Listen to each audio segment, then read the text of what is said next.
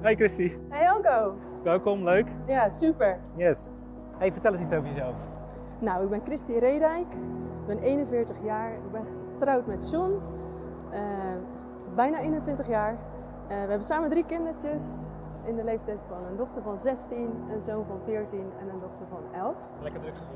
Een eh, ja, heerlijk, leuk, druk gezin. Vertel eens, in welke thuissituatie kom je? Mijn thuissituatie.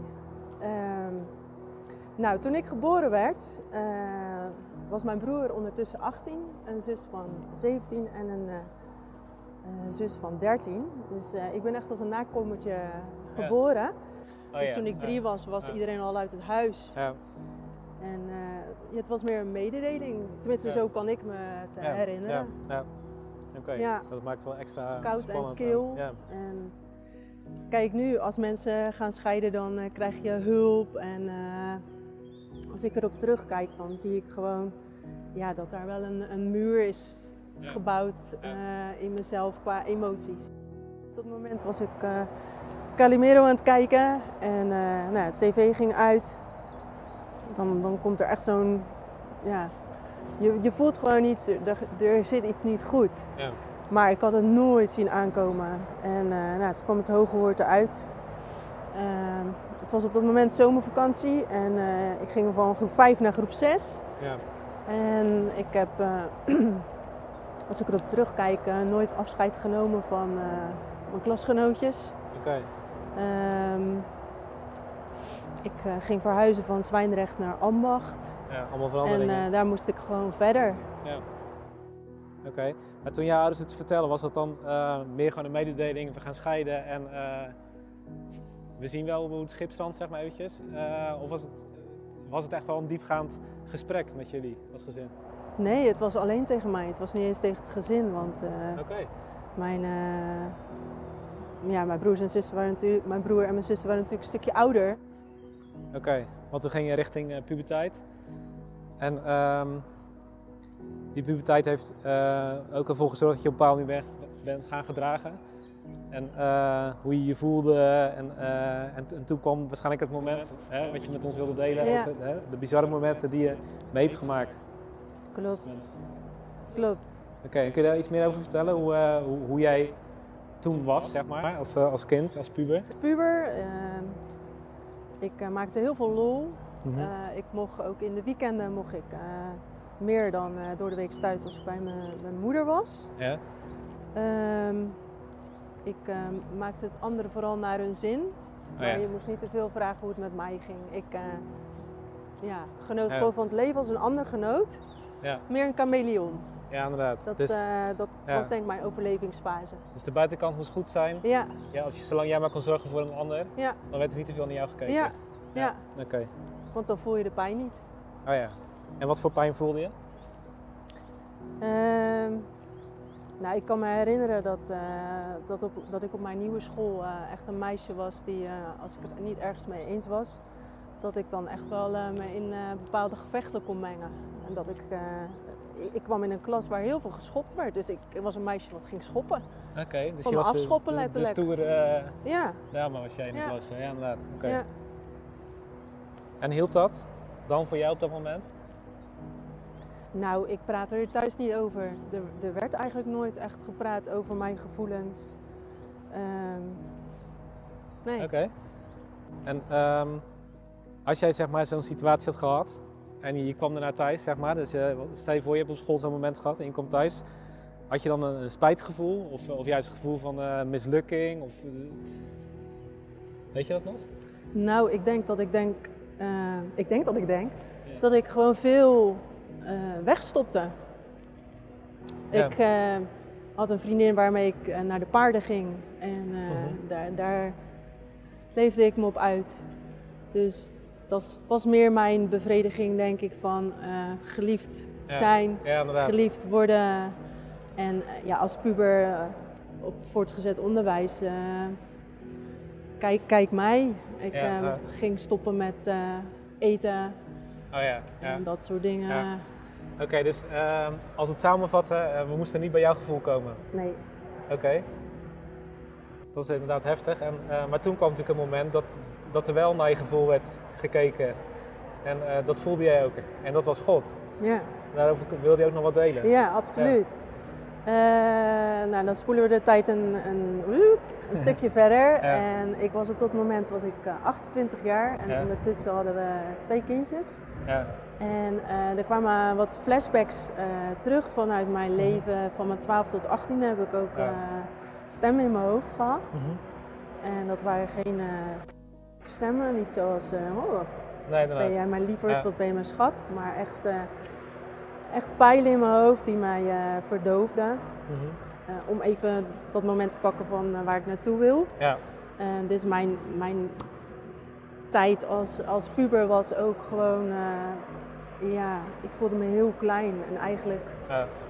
onwaardig. En ik dacht ook heel veel, dat kan ik niet. Ik kon het ook niet, omdat ik lam werd geslagen. Ja. Ja. Ik leerde ook om vier uur s morgens om, om eh, ja, hoe ik mijn voortgezet onderwijs, Ja. eh, mijn, mijn MAVO-diploma heb Ja. gehaald. Dat, eh, dat is echt een wonder. Echt een wonder, ja. Ja. Oké. Dus nou, op een gegeven moment, we spoelen de tijd door. Ik was 28. En nou ja, ik, ik was meer met de dingen van God bezig. Ja. En we luisterden wat preekjes. En je had dan van Foundation for Life, had je Oh ja. dan van die eh, ja. kwartierpreekjes. En ik had echt honger en dorst naar meer gewoon van God. Er is Ja. veel meer. En ik had tongentaal ontvangen. Dus ja, dat, dat opende sowieso een, eh, een, een stuk in mijn, in mijn ziel waarvan ik voelde, ik moest huilen. Ja. En ik wist niet waarom ik moest huilen, maar daar zat heel veel pijnen, Ja, verborgen pijn. Ja. Ja. Traumatische Ja. pijnen, die, eh, die eruit wilden. Ja. Ja. En ehm, ik heb eh, in, in die week, in een bepaalde week, heb ik het echt uit moeten schreeuwen naar God. Ja. Omdat ik gewoon niet wist. ehm, hij was er, maar ergens was hij voor mij heel ver. Ja. Een verre God die Ja. mij ergens hoorde. Ja. Ik kreeg meer rust in mijn hoofd vanaf eh, dat moment eigenlijk eh, rond mijn achttiende. Dat ik echt die keuze voor, voor Jezus heb ge- genomen. Mhm. En hem meer ging betrekken in gewoon wat allemaal in mijn leven was. En dat Ja. gingen we samen verder ontdekken. En ja, dat was super tof. Daar heb je natuurlijk ook allemaal eh, mensen om je heen eh, vanuit de kerk die je daarin helpen. Mhm. En eh nou, was heel leerzaam. Ja. En, en daarbij ontdekte ik ook gewoon van, ja, als mensen echt geïnteresseerd zijn in je en Mhm. eh, dingen gaan vragen, ehm, moet je over je, kom je bij jezelf. En ik merkte dat ik dat wel heel spannend vond. Oké. En dan heb je natuurlijk echt mensen nodig om je heen die je echt kan vertrouwen. Ja. Liefde was voor mij ook heel spannend. Ja. Want heeft te maken met het gevoel, dichtbij Ja. komen. Ja. Ja. Oké. En ehm, nou ja, verweven naar ehm, echt als ik over een godsontmoeting in mijn leven, ik heb er meerdere gehad die echt heel intens en mooi zijn. Ja. Maar dan springt eh, in de leeftijd dat ik 28 was, springt er wel uit. Wat gebeurde er? Ehm, we waren op dat moment ook ons eh, meer aan het uitstrekken naar eh, bepaalde preekjes luisteren. Ja. En ehm, ik had tongentaal ontvangen en dat maakte heel veel los in mijn ziel. Ik Ja. snapte er eigenlijk niks van. Mhm. Ik moest ook heel veel huilen. Ja. En wat op dat moment ook heel erg eh shockend voor mij was, omdat ik God zo aan het zoeken was, is dat ik allemaal flashbacks kreeg eh, van mijn 12 tot 18e van al mijn stemmen. Dus ik, ik kreeg een soort, eh, ja, ik vond het heel eng. Hele enge Ja. dingen kwamen weer terug in mijn hoofd. En moet je je voorstellen, op dat moment heb je twee kindjes, dat je echt denkt, Ja. dit ben ik helemaal niet. Ja. Ik, ik ben het ook niet, maar het gebeurt wel in mijn Ja. hoofd. En je hebt Jezus aangenomen. Ja. Dat voelt heel dubbel. Ja, dus ik, Ja. Ik, eh, ik weet nog dat ik op een avond op mijn eh, slaapkamer was. Mhm. En eh John die had avonddienst. Ja. En de kindjes lagen op bed en ik ging op mijn bed liggen en ik moest heel hard huilen. En ik pakte Psalm 91 erbij. Ja. En eh, nou, ik ga hem niet helemaal voorlezen, maar wel de, de versen die er echt uitspringen. Ja. Er staat in vers 4: Ik zal je beschermen met mijn vleugels. Onder mijn wieken vind je een toevlucht. Mijn trouw is een veilig schild en panzer. Dat is dus wat, wat hij zegt. Ja. Ja. En als zij mij roept, zal ik haar antwoord geven.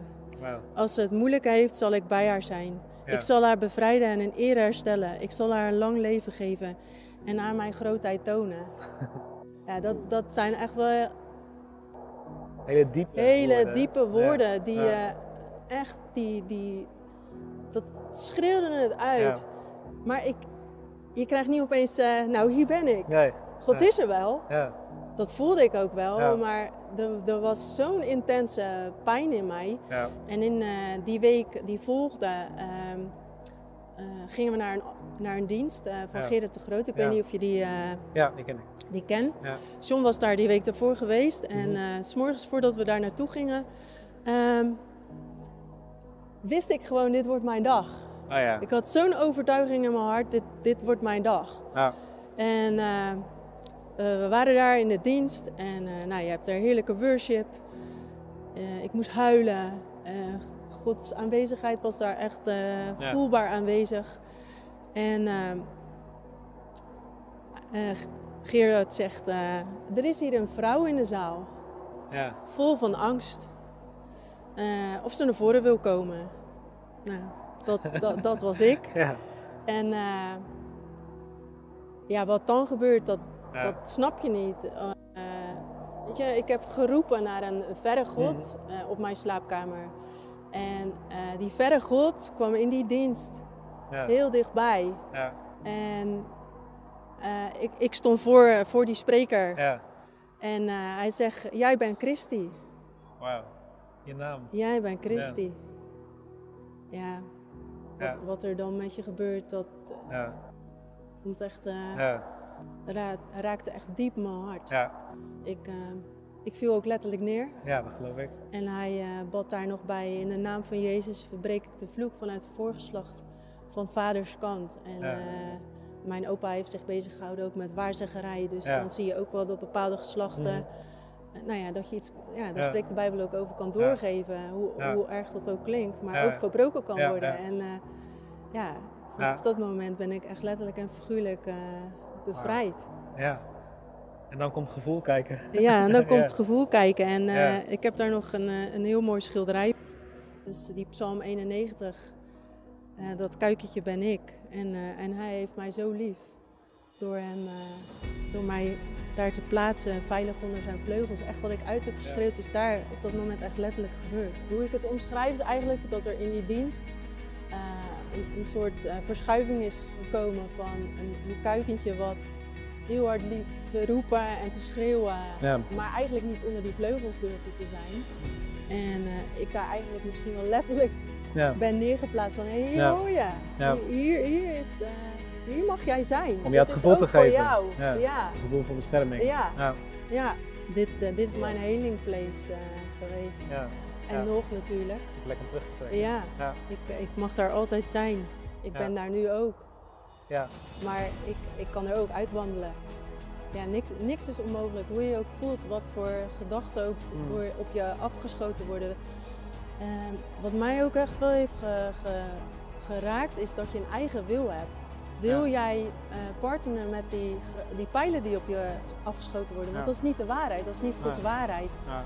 Dus, maar ze verlamden me wel. Ja. Eh, ik kon niet compleet zijn wie, waarvoor ik was bedoeld. Ja. En ik heb heling en genezing in, in die plaats kunnen ontvangen, want dat Ja. kan alleen maar Hij. Ja. De plek van de vader. Ja. Ja. En dank u wel, Jezus, dat, eh, dat Hij eh, dat heeft volbracht. Ja. Wauw, echt heel mooi. Christy, dankjewel voor de, wat je deelde. Mooi wat je zei. En ehm, ja, bedankt, gewoon- dankjewel voor de boodschap. Ik denk dat eh, de mensen die het eh, gezien hebben, eh, die naar de boodschap gekeken hebben, dat die aangeraakt eh, kunnen zijn en eh, misschien wel vragen over hebben. Maar mocht dat zo zijn, dan kun je een mailtje sturen naar info.iamlove.nl en dan kunnen wij eh, uiteraard eh, eh, antwoorden geven op eh, jullie